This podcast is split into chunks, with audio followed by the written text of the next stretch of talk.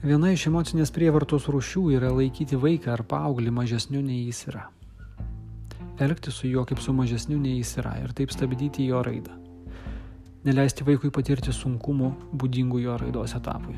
Perdėtai rūpintis, spręsti sunkumus už vaiką. Kaip taisyklė tai daro mylintis tėvai, norintys gero savo vaikui. Nebūtinai, kaip dabar dažnai replikuojama, kad narcizai, bet išsilavinę, sėkmingi, gerai organizuoti. Jiems rūpi vaikas, už tai jie sprendžia vaiko problemas greičiau, nei vaikui pavyksta pačiam kažką dėl savęs nuspręsti.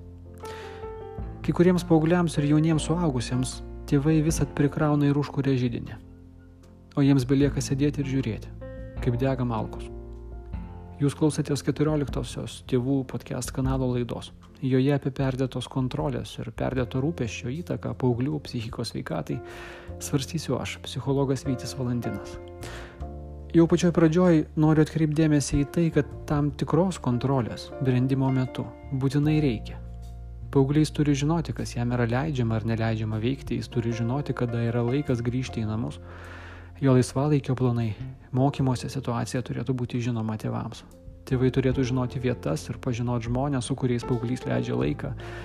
Turėtų turėti supratimą apie tai, ką jie veikia. Paaugliui svarbu paaiškinti, kad tam tikrus sprendimus dėl rūpinimosi jo sveikata ir kitais dalykais vis dar priima tėvai. Kad tam tikrų malonumų, pramokų, pirkinių gyvenime jis dar turi palaukti, kol bus vyresnis, labiau subrendęs. Paaugliams taip dažnai stinga mūsų atjautos dėl to, kad toli gražu nėra taip jau paprasta ar lengva šitų dalykų sulaukti. Laidoje kalbėsiu ne apie reikalingąją, brandinančiąją, bet apie perdėtą, paauglio gebėjimus nuvertinančiąją kontrolę.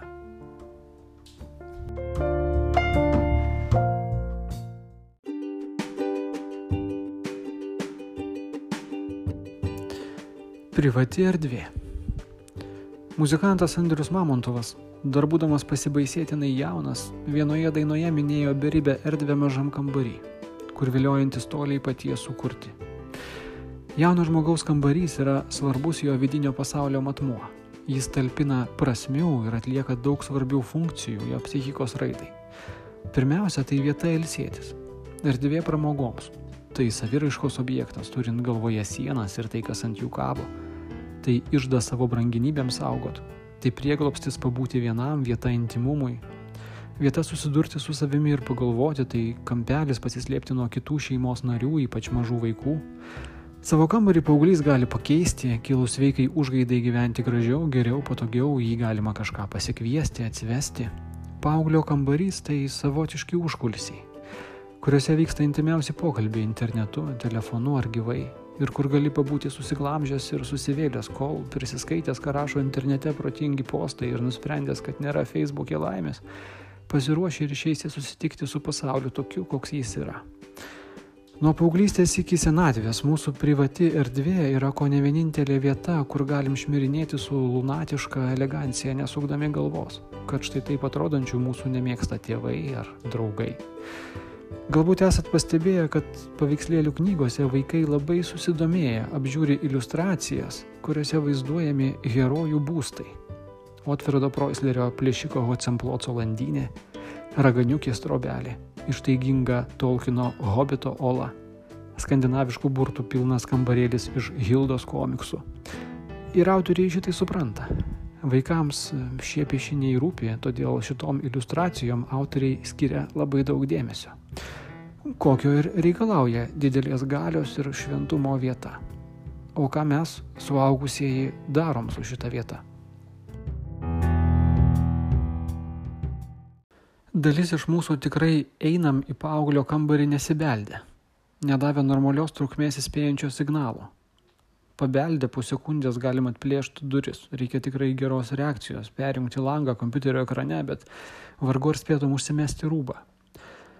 Kai kurie suaugusieji gali imtis patys tvarkyti šitą kambarį, gali rausti stalčius, lentynas, savo nuožiūrą, perdėlioti daiktus, taip pat šią erdvę patys puošti, dekoruoti, laikyti šiame kambaryje savo pačių daiktus. Jie taip pat leidžia mažesniems vaikams netrukdomiems brautis į šį kambarį, nepaisydami vyresnio sunaus ar dukters pasipriešinimo. Tai yra labai svarbaus privatumo poreikio paauglystėje frustravimas Pasitaiko, kad tėvai po to labai piktinasi, kai susilaukia savito atsako. Štai paaugliai ima patys ignoruoti tėvų, brolių, seserų erdvę.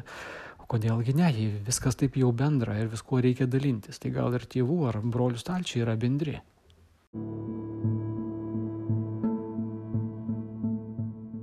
Ką tik kalbėjau apie fizinę erdvę, bet perdėta kontrolė trikdo paauglius ir socialinėje erdvėje. Yra paauglių, kurių tėvai slapta klausinėja jų draugų ar klasiokų apie tai, kaip sūnui ar dukrai sekasi mokykloje ar draugystėje, tyraujasi apie nuotaiką.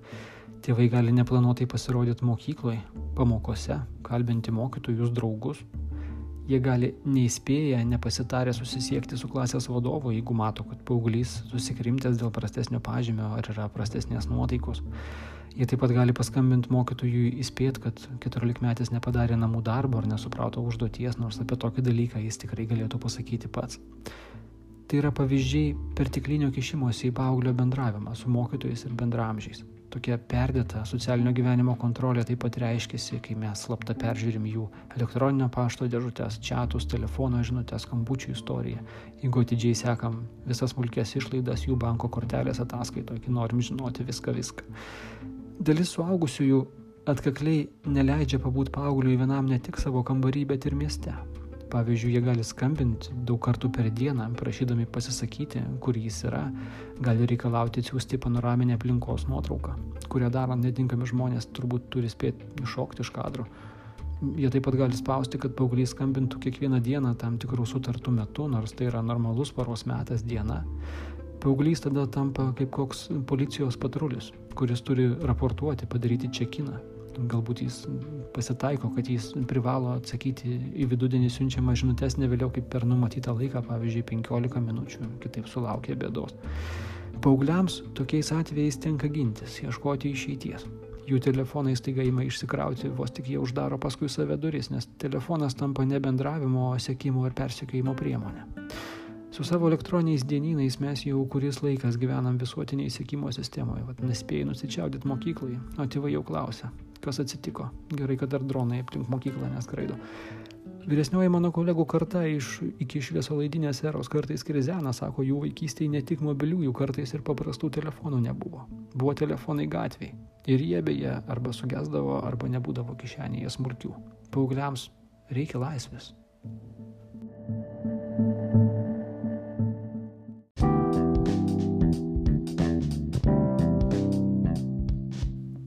Labiau išskirtinis ir tikrai traumuojančiais kontrolės atvejais gali būti kvočiama detalios informacijos apie paauglio draugus ir jų šeimas.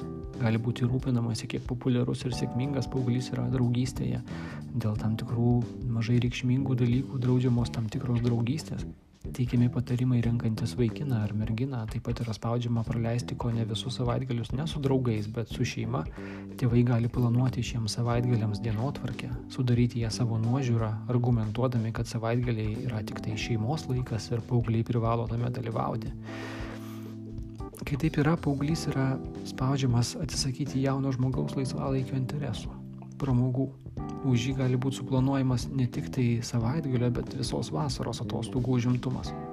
Taip pat parenkama, kokius dalykus mokytis aukštesnių lygių gimnazijoje, įmamas spausti dėl profesijos aukštosios mokyklos pasirinkimo. Paties paauglio pasirinkimai ir interesai gali būti kritikuojami, negalvojant, kad renkantis profesiją jaunam žmogui yra svarbus ne tik tai tėvų pritarimo ar prestižo ar apmokėjimo, bet ir asmeninės prasmės klausimai.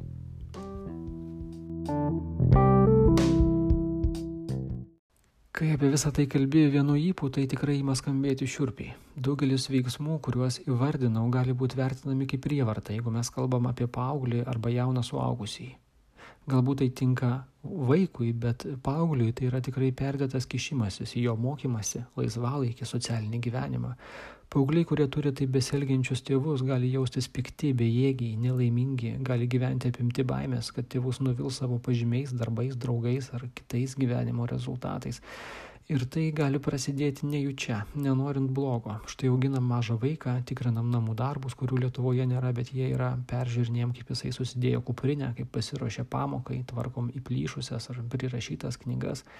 Kasdieną ruošiam pietų dėžutę, patys dedam ją į kuprinę, kad jis turėtų pavalgytų, užsimirštam ir savęs nepaklausim. O gal jau rytoj šitie dalykai turėtų būti nebe mūsų, bet jo reikalas.